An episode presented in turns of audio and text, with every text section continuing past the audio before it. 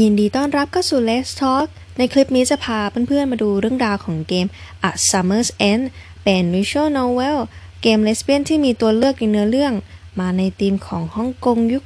80 ในยุคนี้เนี่ยอะไรก็จะดูฉุดฉาดมีสีสัน มันเป็นช่วงที่ pop culture แฟชั่นดนตรีทางฝั่งอเมริกาเนี่ยบูมมากๆ เป็นยุคที่มีเอกลักษณ์สุดๆ ซึ่งตัวเกมก็จะบอกเล่าเรื่องราวความรักของสองสาวมิเชลกับแซม ก็เดี๋ยวจะพาทุกคนไปดูพร้อมๆกันเลยนะคะ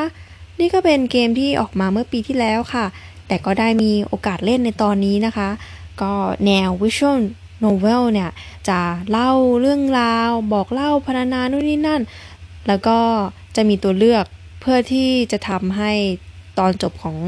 เกมเนี่ยจะแตกต่างยังไงออกไปก็ขึ้นอยู่กับ choice ที่คุณจะเลือกนะคะ ในจุดจุดหนึ่งเนี่ยมันจะมี ยินดีต้อนรับเข้าสู่ Let's Talk ในคลิปนี้จะพามาดู ยินดีต้อนรับเพื่อนๆเข้าสู่ ยินดีต้อนรับเข้าสู่ Let's Talk ในคลิปนี้จะพาเพื่อนๆมาดูเรื่องราวของเกม A Summer's End เป็นแนว Visual Novel นะคะ เกมเลสเบี้ยนที่มีตัวเลือกในเนื้อเรื่อง แล้วจุดจบเนี่ยจะต่างกันออกไป มาใน ยินดีต้อนรับเข้าสู่ Let's Talk ยินดีต้อนรับเข้าสู่ Let's Talk ยินดีต้อนรับเข้าสู่ Let's Talk ในคลิปนี้จะพาเพื่อนๆมาดูเรื่องราวกันกับเกม A Summer's End ยินดีต้อนรับเข้าสู่ Let's Talk ในคลิปนี้จะพาเพื่อนๆมาดูเรื่องราวของเกม A Summer's End เป็น Visual Novel เกมเลสเบี้ยนที่มีตัวเลือกในเนื้อเรื่อง ก็มาในธีมของฮ่องกงยุค 80 ในยุคนี้เนี่ยอะไรก็จะดูฉุดฉาดมีสีสันมาเป็นช่วงที่ pop culture แฟชั่นดนตรีทางฝั่งอเมริก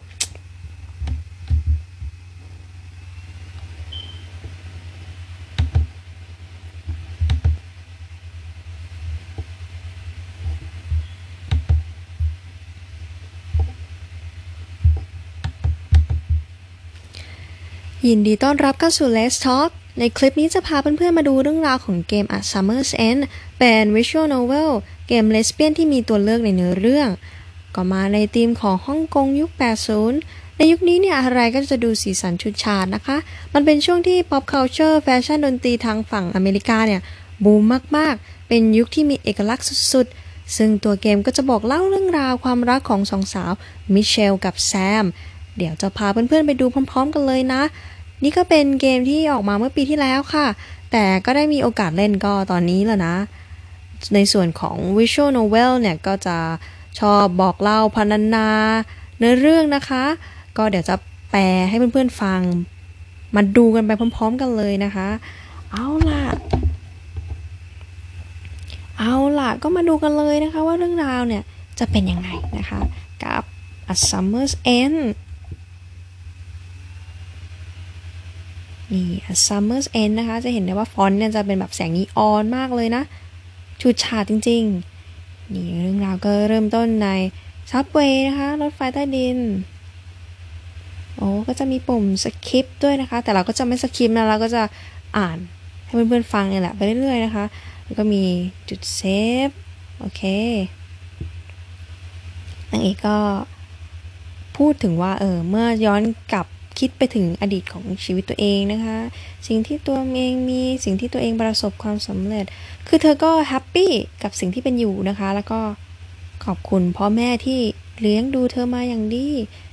ไม่ได้ขัดสนอะไรนะคะ พ่อก็เป็นช้างเท้าหน้านะคะ แม่ก็อยู่บ้านนะคะเออถือว่าเธอเนี่ยเป็นเด็กที่โดนสปอยอย่างดีเลยแหละนะ เข้าโรงเรียนเอกชนมีของเล่นเสื้อผ้านู่นนี่นั่น อยากได้อะไรพ่อแม่จัดให้นะคะ ราวกับว่าตัวเองเนี่ยเป็นเจ้าหญิงแน่แต่ว่าพ่อแม่เนี่ยครอบครัวของ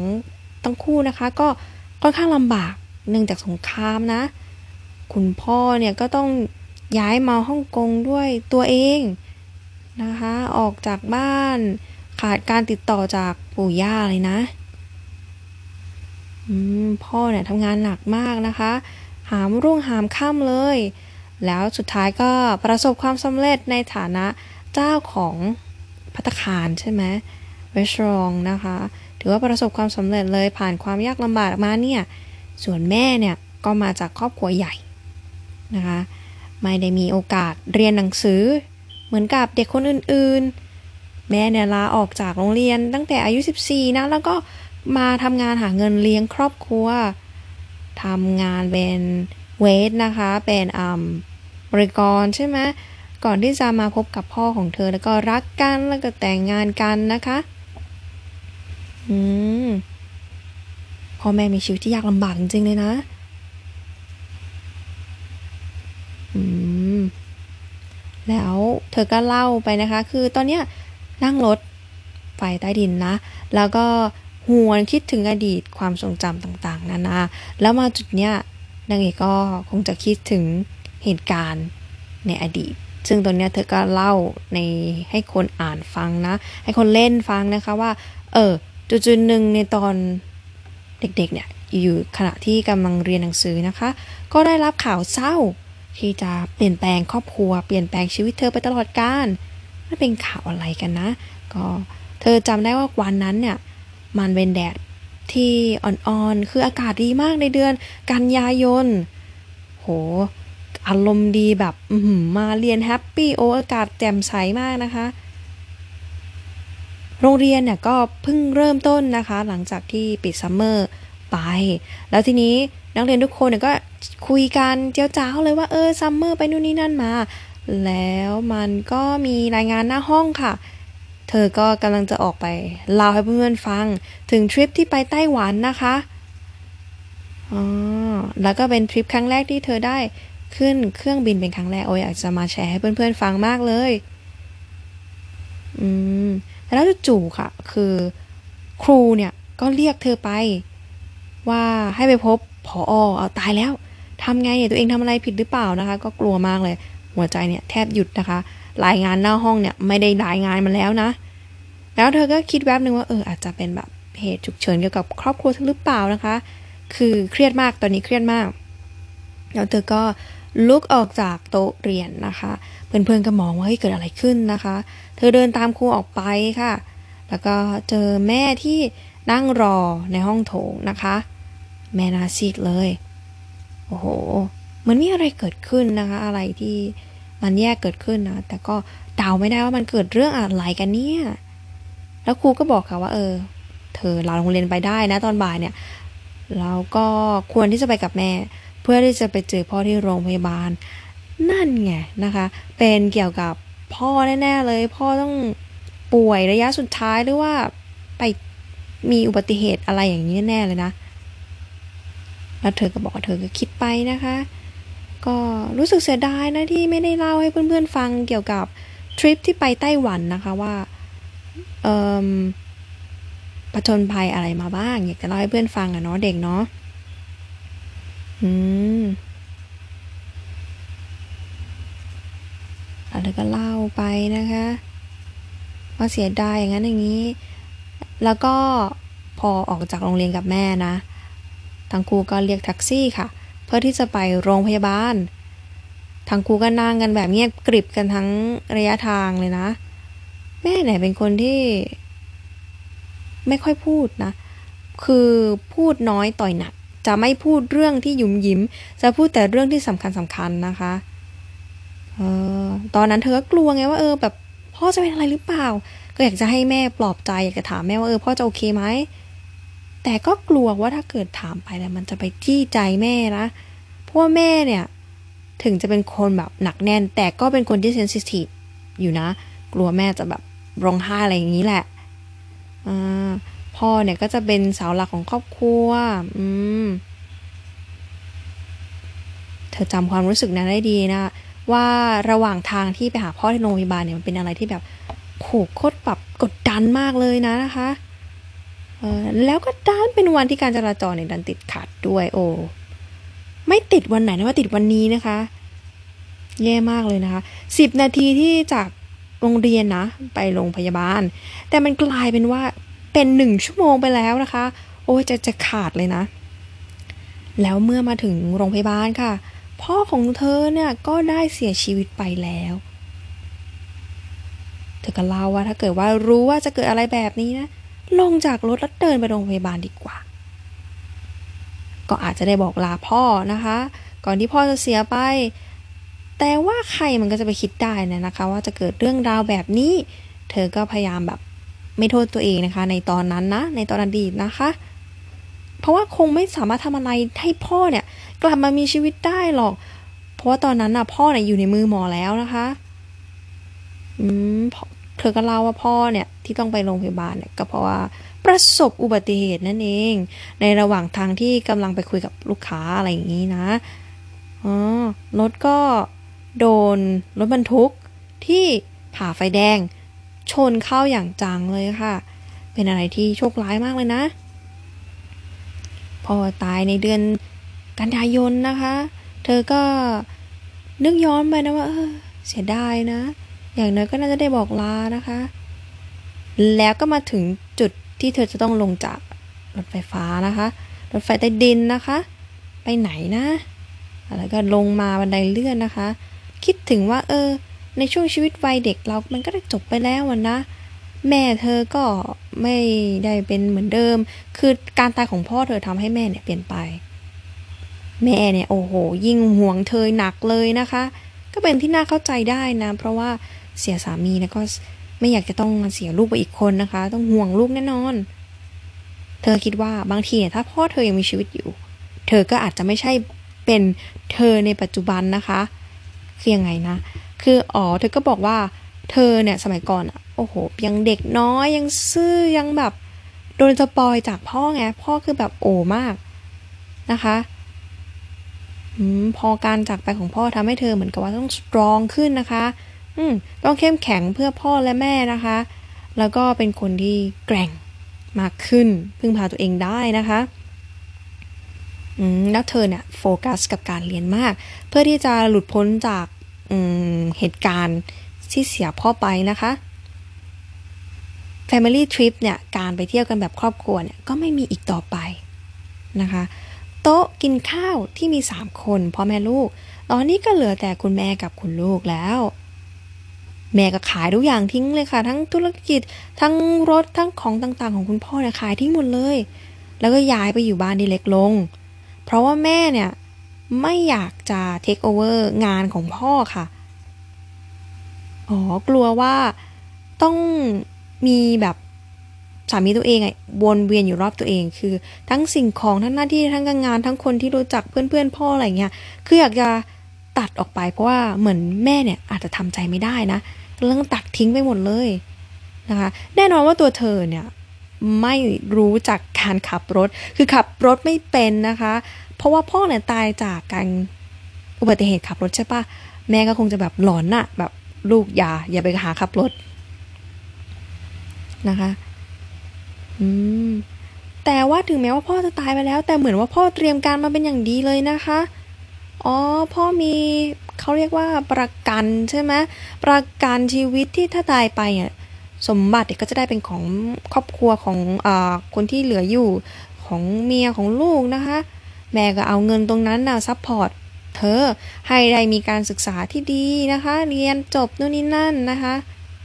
เออก็ย้ายบ้านซื้อบ้านนะคะทำให้พวกเธอเนี่ย ได้ใช้ชีวิต move on กันต่อไป ลึกๆเนี่ยมันทำให้เธอหงุดหงิดนะว่าทำไมเราถึง move on จากการตายของพ่อได้เร็วขนาดนี้นะคะอืมอืมแล้วเธอก็พยายามทำตัวที่แบบให้อยู่ในกฎในกรอบระเบียบนะคะ เพื่อที่จะว่าไม่ทำให้ครอบครัวได้อับอายทำให้พ่อแม่ภูมิใจนะคะก็ทีนี้เธอก็ลงออกมาจากอาคารใช่ไหมออกมาจากอาคารปั๊บ จะไปไหนกันต่อนะคะ เออเธอก็เล่าเธอก็เดินเหมือนเดินเดินไปเรื่อยๆนะเราว่าเออตั้งใจเรียนนู่นนี่นั่น ตอนนี้เธออายุสิบสามนางเอกอายุสิบสามนะคะ เราว่าเออมันได้ผ่านจุดที่เป็นวัยรุ่นมาแล้วล่ะ ตอนนี้ก็รู้สึกว่าโตขึ้นโตโตขึ้น แข็งแกร่งขึ้น อืม ตอนนี้นะคะ เธอก็ได้มาทำงานเป็นเลขา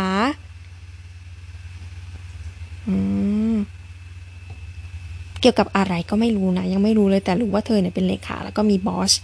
เธอก็รับคำสั่งมาจากบอสอีกทีนึงนะคะก็เล่าว่าบอสสั่งอะไรเธอก็ทำนะคะ น่าจะเป็นเลขาแบบจัดการตารางงานตารางเวลาให้กับเจ้านายอะไรประมาณนี้นะ อืม โอเค เธอก็รู้สึกว่าเหมือนแบบเป็นคนที่ขยันทำงาน โฟกัสเรื่องงานอะไรเงี้ย ได้ตรงนี้มาจากคุณพ่อ เพราะมีคุณพ่อแบบเป็นโรโมเดลอะอืม เธอก็หวังว่าถ้าเกิดพ่อเธอยังอยู่บนสวรรค์นะ มองลงมาก็หวังว่าเขาจะ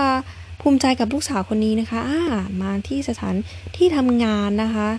ในออฟฟิศนะคะ เธอก็เล่าว่า โอ้โห มันยังกับมาราธอนเลยนะทำแบบยาวๆไปเลยนะ วันนี้ก็เป็นวันปกติของเธอนะคะ ทำงานเคลียร์งานนู่นนี่นั่นโอเคก็อธิบายไปนะคะ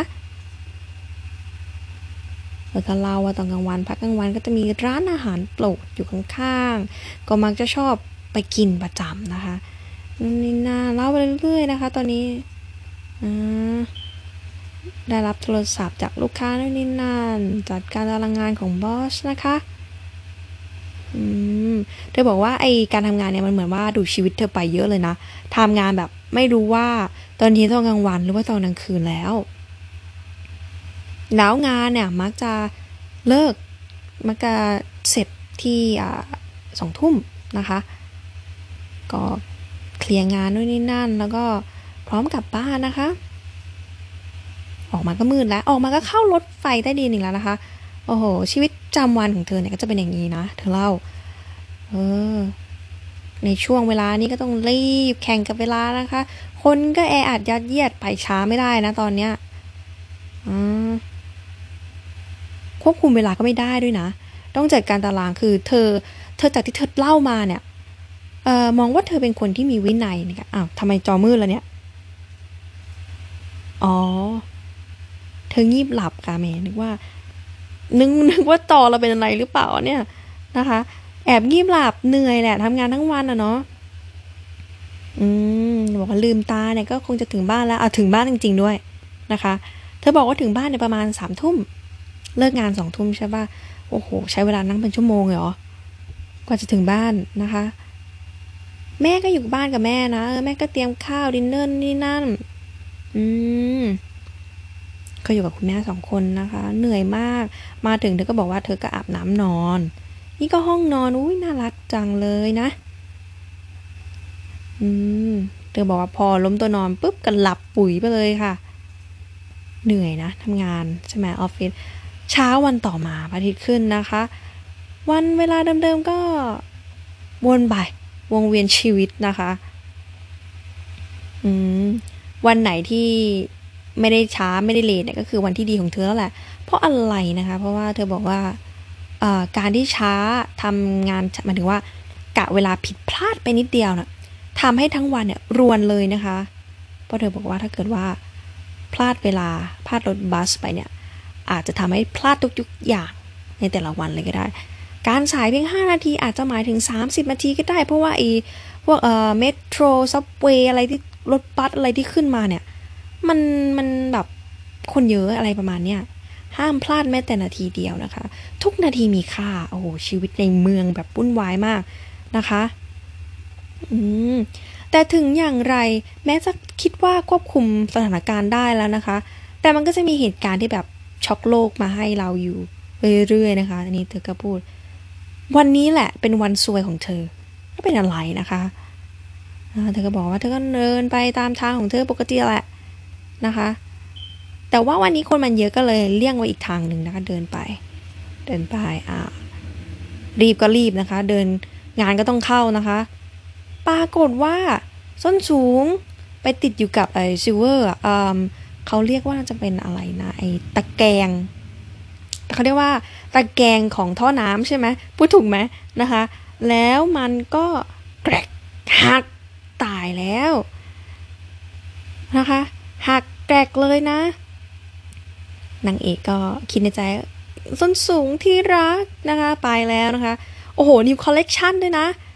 โอ้โห แพงด้วย แพงซะด้วย บอกว่าใช้เงินเกือบทั้งเดือนเนี่ยมาซื้อคู่นี้ โอ้ตายแล้วนะคะ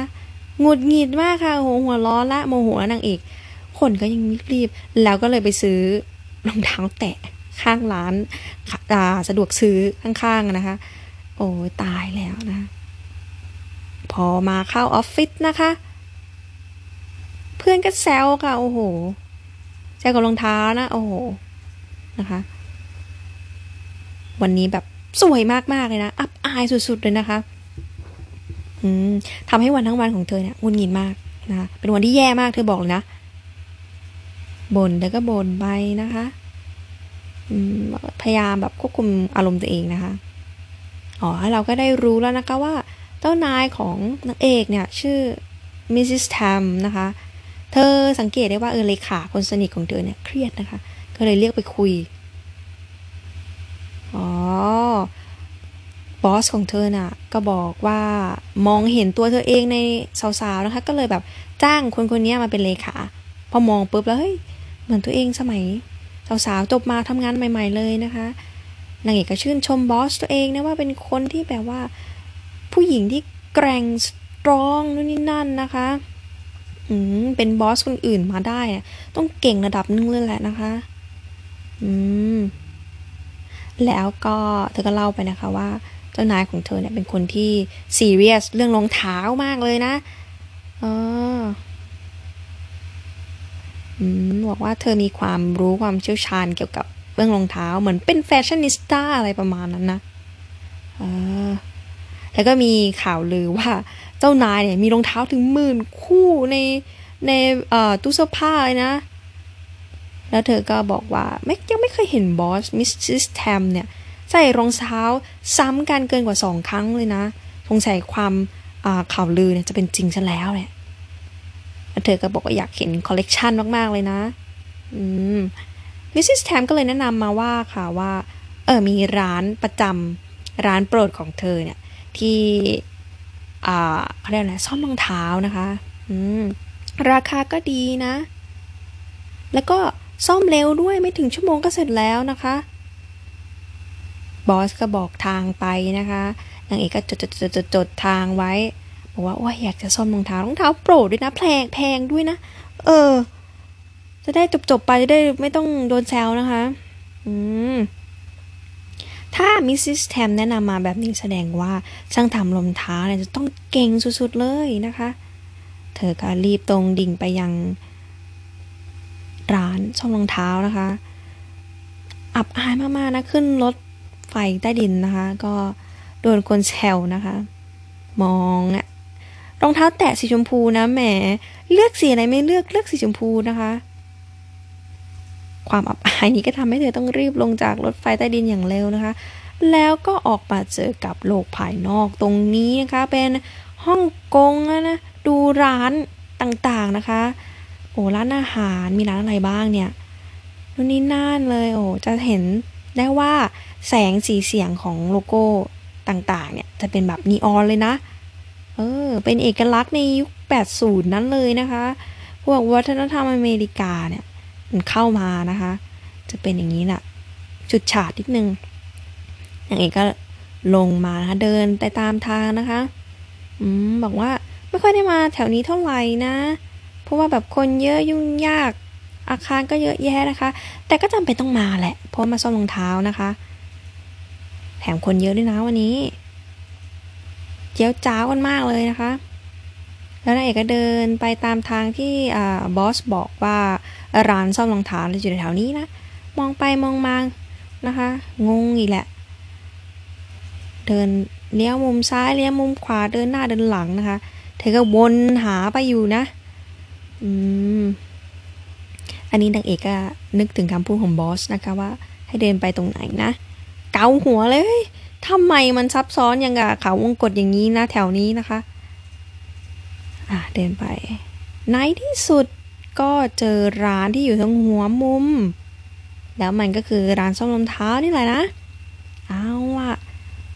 เออแม้ดูเหมือนว่า ร้านจะปิดนะคะ แม้ว่า ไฟจะเปิดก็ตามนะ นี่นางเอกของเรานะคะ โอ้โห น่ารักเชียว มิเชลนะคะ อ๋อ ผมสีดำนะคะ ดูแต่งตัวแล้วก็ถือถุง ถือถุงพลาสติกมาด้วยนะ แล้วเธอก็บอกว่าเธอคิดว่าอ๋อ เจ้านายของเธอนะบอกว่าร้านเนี่ยเปิดเลทก็คือเปิดดึกนะ ถึงแม้ว่าจะปิดแต่ก็เปิดอยู่อะยังไงเนี่ยคือยังไงเนี่ยนะคะ เธอก็เลยแบบไหนๆก็มาแล้วแต่ร้านปิดอย่างเงี้ยแต่ไฟเปิดอะเอายังไงดีเนี่ยจะทำยังไงดีนะคะ แล้วก็มีป้ายเขียนบอกว่าให้โทรหา แล้วก็ไม่มีเบอร์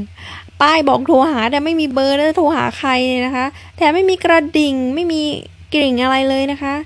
แล้วไงเราต้องตะโกนเรียกเหรอ เป็นนางเอกนะตะโกนเรียกได้ยังไงเนี่ย อะไหนๆก็มาไกลขนาดนี้แล้วขอโทษนะคะ สุดท้ายก็ต้องตะโกนเรียกนะคะ แล้วเธอก็รู้สึกว่าเหมือนแบบได้ยินเสียงแบบ มีคนอยู่ข้างใน มีใครอยู่ไหม ขอโทษนะคะ แล้วก็เงี่ยหูฟังนะคะ มีเสียงจากทีวี เสียงวิทยุอะไรสักอย่างนี่แหละค่ะ ออกมาจากร้าน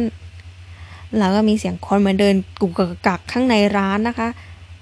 โอ้โห ใครนี้นะคะ ผู้หญิงคนนี้สาวสวยคนนี้ก็เปิดประตูออกมาต้อนรับเธอ อืม มิเชลนะคะ มิเชลก็เล่าว่าลุคของผู้หญิงปริศนาเขาเนี่ย ดูแบบ ติสนะ ดูการไว้ทรงผมของเธอ แต่งหน้าแต่งตัวนะคะ นี่มิเชลก็มองตั้งแต่หัวจะรดเท้าเลยนะ ความหมายเนี่ยคือแบบอธิบายตั้งแต่ทรงผมเป็นสีน้ำตาลใช่ไหมแบบยุ่งเหยิงนิดนึงติติสอาร์ตเสื้อก็ใส่แนวแบบคูลๆนะคะกางเกงก็แบบ เออเป็นเกงยีนนะคะอ่าดูแบบไม่ใช่อยู่ในรุ่น วัยรุ่นอย่างนี้ ดูเหมือนอายุประมาณเท่าเธอแหละมั้งนะคะ แล้วก็แต่งตัวราวกับว่ามาจากแบบเป็นวัยรุ่นอเมริกันยังไงอย่างนั้นนะ อืม สายตานี่ก็สวย แหม มองขนาดนี้มองละเอียดมากเลยนะคะ แถมยังสูงกว่าเธอด้วยนะเธอก็อธิบายไปนะ แล้วก็ก้มลงมองรองเท้าของผู้หญิงคนนี้นะคะ เป็นสนิเกอร์ สีขาวธรรมดาธรรมดาเท่านั้นเอง เธอก็เลยแบบ ฮะ บอสนี่แนะนำมาให้กับช่างทำรองเท้า แล้วทำไมคนทำรองเท้าถึงได้ใส่รองเท้าแบบ cool ๆ indie indie แบบไม่แบบแฟชั่นอะไรเลยล่ะ เธอก็เลยสงสัยนะว่าจะถูกคนไหมเนี่ย ผู้หญิงคนนี้กันนะคะ ก็บอกว่าโอ้คุณลูกค้าแป๊บหนึ่งนะคะมิเชลก็ถามว่าคุณเป็นช่างทำรองเท้าเหรอ ฉันน่ะหรอเปล่านะ แล้วเธอก็หัวเราะนะคะ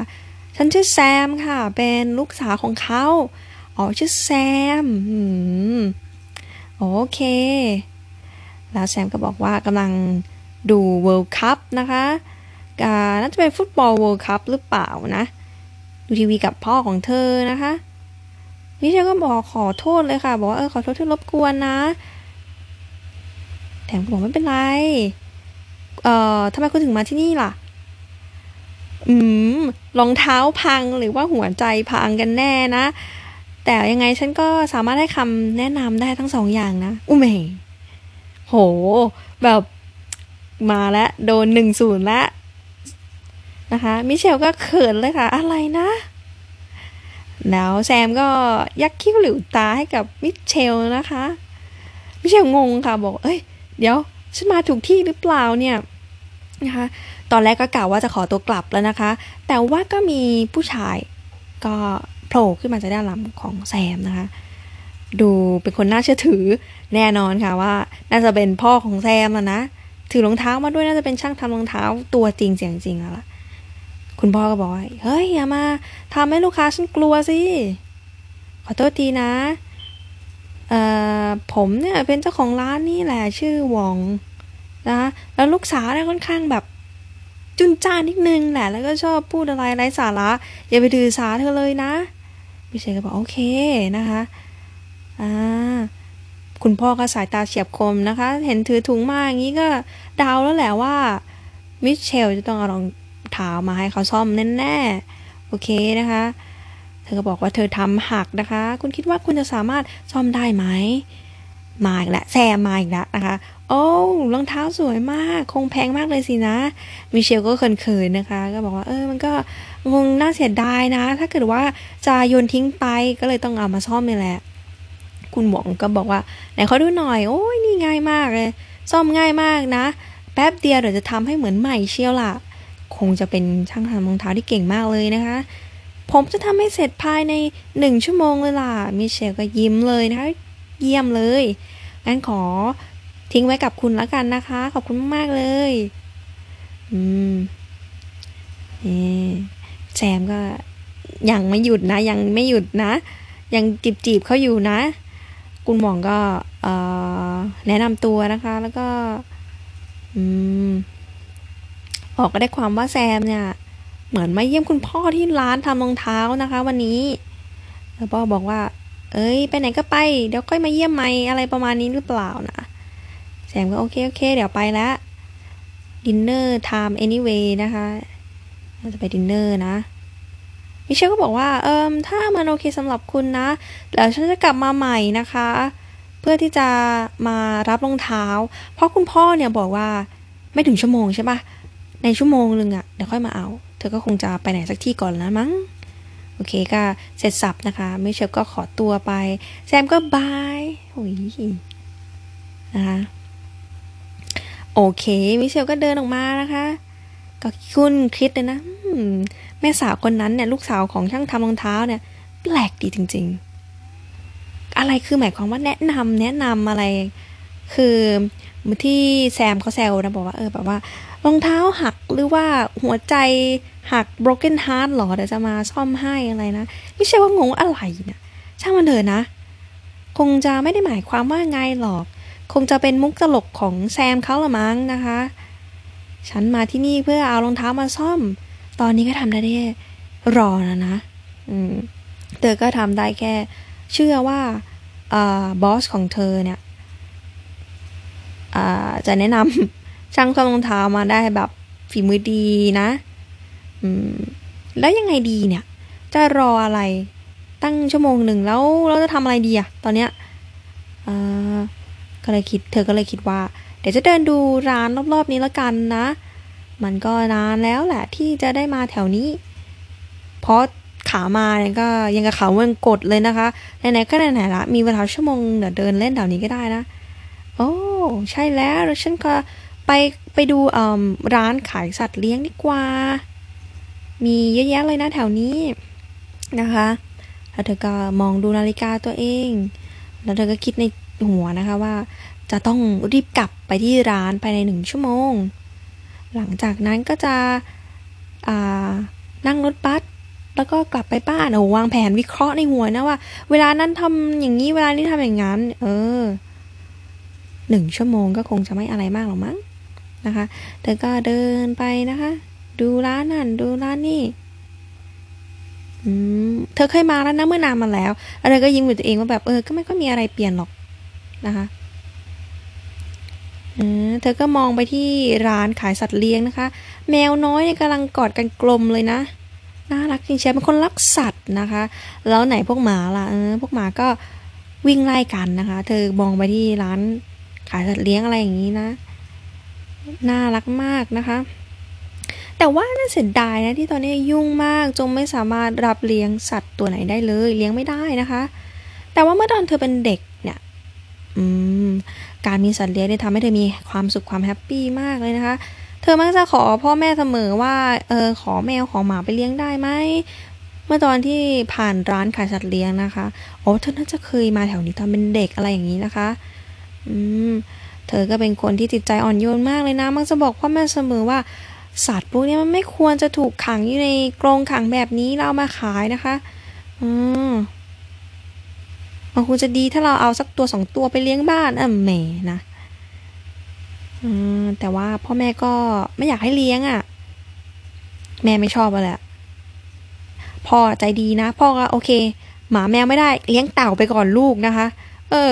นะคะแต่ก็ไม่ได้ชอบเต่าอะไรขนาดนั้นนะแล้วเธอก็นึกถึงไอ้เต่าสัตว์เลี้ยงของเธอว่าเออไอ้เต่าน่าสงสารเพราะไม่ได้ชอบอะฉันเลี้ยงหมาเลี้ยงแมวมาให้เลี้ยงเต่าเนี่ยนะ อขอโทษด้วยนะเขาน้องเต่าที่ไม่ดูแลด้วยความรัก มันเป็นพ่อพ่อตั้งหากที่เป็นคนเลี้ยงน้องเต่านะคะ อ๋อ แล้วก็เดินเข้ามาในร้านนะคะ อ๋อ ร้านขายสัตว์เลี้ยงนี่เราจะได้เห็นภาพต่างๆนะ อืม มีหมาไอ้ไม่ใช่หมาสิ นี่เป็นซุ้มของปลานะคะแต่ก็นี่ถึงอดีต เดินนู่นนี่นั่น เหมือนเคยเธอเคยเธอเคยมาแถวนี้กับพ่อแม่อะไรอย่างนี้นะ กันเล่าไป อืม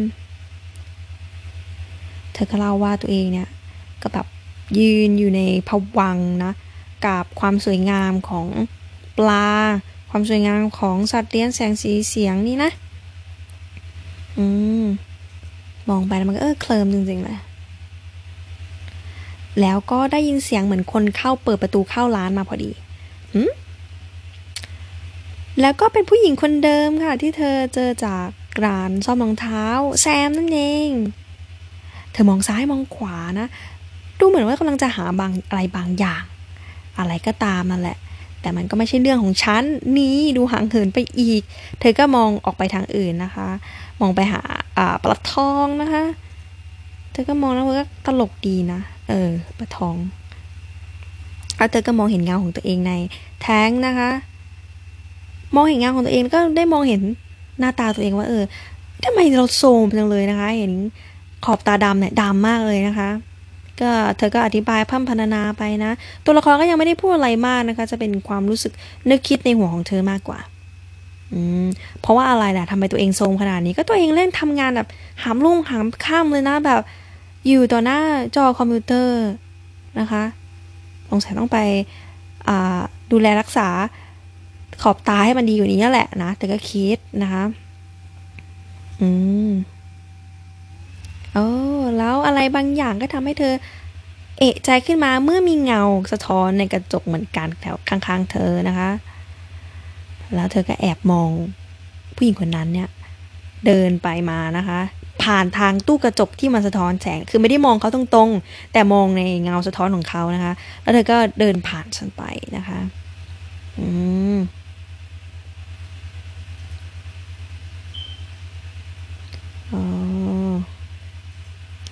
เหมือนว่าเธอจะเลือกซื้อปลาอะไรสักอย่างนะคะ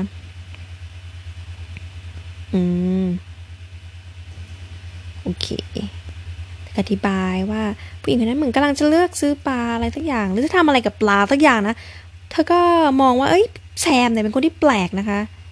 แล้วก็ทั้งคู่ก็สบตากันแล้วนะมิเชลก็หันหนีทั้งที่ ก็ไม่อยากจะให้แซมคิดว่าตัวเองเนี่ย กำลังจ้องนะคะ แล้วทั้งคู่ก็มาเจอกันจบตากันโอ้โห เงียบละเงียบละ เป็นจุดไข่ปลายเราก็นึกว่าอะไรนะ คือทั้งคู่ก็มองกันนะคะสงสายตามองกัน แต่ก็ไม่ได้พูดอะไรกัน ไม่ได้คิดอะไรนะอพอเงยหน้ามาอีกทีมิเชลก็บอกว่า ก็เห็นว่าแซมเนี่ย จ้องเธอแล้ว สายตาเราก็สบตากันนะคะ ช่วงเวลาก็ราวกับว่าจะหยุดอยู่ตรงนั้นแหละ ไม่รู้ว่าควรจะคุยกับเธอดีไหมนะ ก็ไม่ใช่ว่าเราจะรู้จักกันสักหน่อยนี่นาอืมแต่ปรากฏว่าแซมเนี่ยก็ยิ้มให้กับเธอนะคะ ราวกับว่าได้เจอคนคุ้นเคยกันมาราวกับว่าเจอเพื่อนรักในอดีตอย่างงั้น แซมเนี่ยดูเป็นคนที่ friendly นะ แต่มิเชลจะดูเป็นคนแบบขรึมๆแบบอะไรที่ไม่ใช่เรื่องของตัวเองก็ไม่อยากยุ่งนะคะ ดำเนินชีวิตของตัวเองไปเรื่อย ๆ นะคะ แซมก็โบกมือให้กับมิเชลนะคะ อืมอ่าทั้งสองคนก็เริ่มบทสนทนากันแล้วอ้าวคุณผู้หญิงนะคะแซมบอกแซมแซมก็ทัก แล้วก็มายืนประชันหน้ากันคุยกันนะคะ คุณมาซื้อปลาทองเหรอ เออเปล่านะ ฉันแค่มาเดินเล่นค่าเวลา อ๋อเหรอ คุณมาจากร้านทำรองเท้าใช่ไหม มีอะไรหรือเปล่า ก็คิดว่าแซมอะมาเจอเธอมาเข้าร้านหาเธอรองเท้ามีอะไรหรือเปล่านะเริ่มต้นบทสนทนานะ โอ้เปล่าเลย ฉันแค่กำลังจะมาหาซื้ออาหารปลาโอเคนะคะอืมก็แค่เห็นคุณน่ะ ก็เลยเดินเข้ามาทักทายนะอ๋อ ว่าเออเนี่ย ฉันมีสถานที่ที่ฉันชอบแถวนี้นะ คุณจะไปกินอะไรกับฉันไหม โอ้โห ชวนคนแปลกหน้าไปดินเนอร์กันนะคะ มิเชลก็ฮะอะไรนะ ไปไปไหม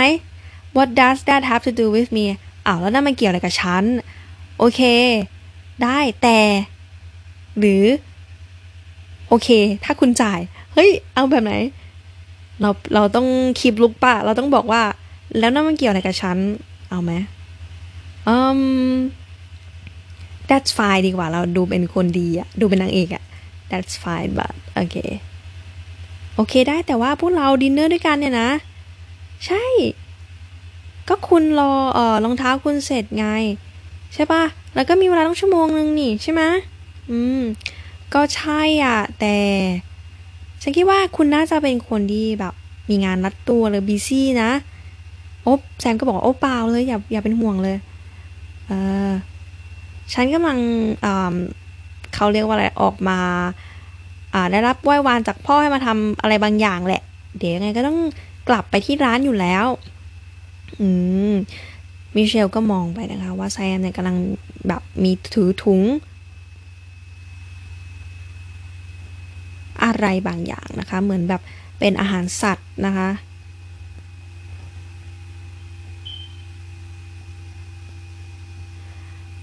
อ๋อแซมิเชลก็เหลือบมองไปที่ถุงที่เธอถืออยู่นะคะ แล้วก็เลยบอกว่าก็เลยมองมิเชลก็ถือแม่มิเชลก็เลยมองไปที่ถุงบางอย่างที่เธอถืออยู่นะคะ แล้วก็เลยแบบ เอ๊ะไอร้านทำรองเท้าเนี่ยจะมีสัตว์เลี้ยงอะไรนะ เธอก็ครุ่นคิดสงสัยอยู่นะ แต่ก็ไม่ได้อะไรมากมายนะคะ แซมก็บอกว่าอืมก็กำลังคิดอยู่กำลังหิวหิวอยู่เลยนะ แต่ว่าก็ถ้ากินด้วยกันเนี่ยมันก็คงจะดีนะดินเนอร์เนี่ยมันคงจะอร่อยอะไรแบบนี้ เอ้ยมุกจีบสาวเอาไปจีบเลย กินอาหารคนเดียวไม่อร่อยต้องกินหลายคนถึงจะอร่อย โอ้โหดิฉันก็โอเคอะนะคะฉันก็บอกว่าเมื่อคุณอยู่คนเดียวนะคะ อืมอ๋อมันคือจะอ้างว่าถ้าไปกินคนเดียวเนี่ยเดี๋ยวเขาจะเซตโต๊ะใหญ่มาให้ตัวของแซมแซมก็อาจจะเขินๆก็เลยแบบ อะไรไหนโต๊ะมันก็ใหญ่แล้วก็มานั่งกินด้วยกันสิโอ้โหนี่รุกหนักมากเลยนะมิเชลก็เอออะไรวะเนี่ยแทนก็บอกว่า ถ้าคุณไม่ว่าอะไรอะ คุณจะไปกินกับฉันไหมไปกินอะไรกันดีนะตอนนี้นะมิเชลก็บอกว่าเออแต่ว่าฉันก็ไม่อยากทำให้คุณอ่าลำบากใจนะแสงก็บอกเฮ้ยไม่ไม่ไม่ไม่มาฉันยืนยันมาด้วยกันสิพอเรากินเสร็จใช่ปะรองเท้าคุณก็เสร็จพอดีนะ มิเชลก็บอกว่า ไอ้สาวคนนี้เนี่ยมันแปลกๆแล้วมันมาจีบเราหรือเปล่าวะฟิลแบบอืมมาล่อลวงเราไปทำอะไรไม่ดีไม่ร้ายหรือเปล่านะ แซมก็เลยบอกว่าแต่ถ้าคุณอยากจะได้อะไรอย่างอื่น อันนั้นก็โอเคนะออมีอาหารแบบริมข้างทาง อยู่เยอะแยะเลย ฉันสามารถโชว์ให้คุณดูได้นะ มิเชลก็บอกว่า โอเคไม่เป็นไร คุณไม่จำเป็นต้องลำบากขนาดนั้นหรอก แสงบอกโอเค เอาอย่างนั้นแหละนะ งั้นไปที่พัตคารกันเถอะ มิเชลก็เอ้ยเดี๋ยวเดี๋ยวเดี๋ยวเอาง่ายๆอย่างนี้เลยเหรอ นะคะ แล้วแซมก็คล้องแขนของมิเชลนะคะ แล้วก็ลากกันไปดินเนอร์เลย เอาง่ายๆอย่างนี้เลยนะเอาล่ะนะคะ ก็คลิปนี้ก็คงจะต้องขอพักไว้ก่อนใน part แรกนะคะ ก็ 40 นาทีแล้วอะ่ะ คือแล้วเราก็ค่อยมาต่อกันใน part หน้านะคะ อย่าเพื่อนๆจะเบื่อเอาไปซะก่อนนะเพราะมันค่อนข้างนานแล้วใน part แรก ยังไงถ้าเพื่อนๆชอบก็กด subscribe ติดตามกันด้วยนะคะ เดี๋ยวจะเล่นให้จบเนื้อเรื่องเลยแหละนะ ตอนนี้ก็ save ไปก่อนละกัน อืมนะคะ ไว้มาเจอกันใหม่ ไว้มาเจอกันใหม่ใน part หน้านะคะ เพื่อนๆชอบเรื่องนี้กันไหมนะ ตอนนี้เขาก็เจอกันแล้วนะ ก็จะมี feel แบบ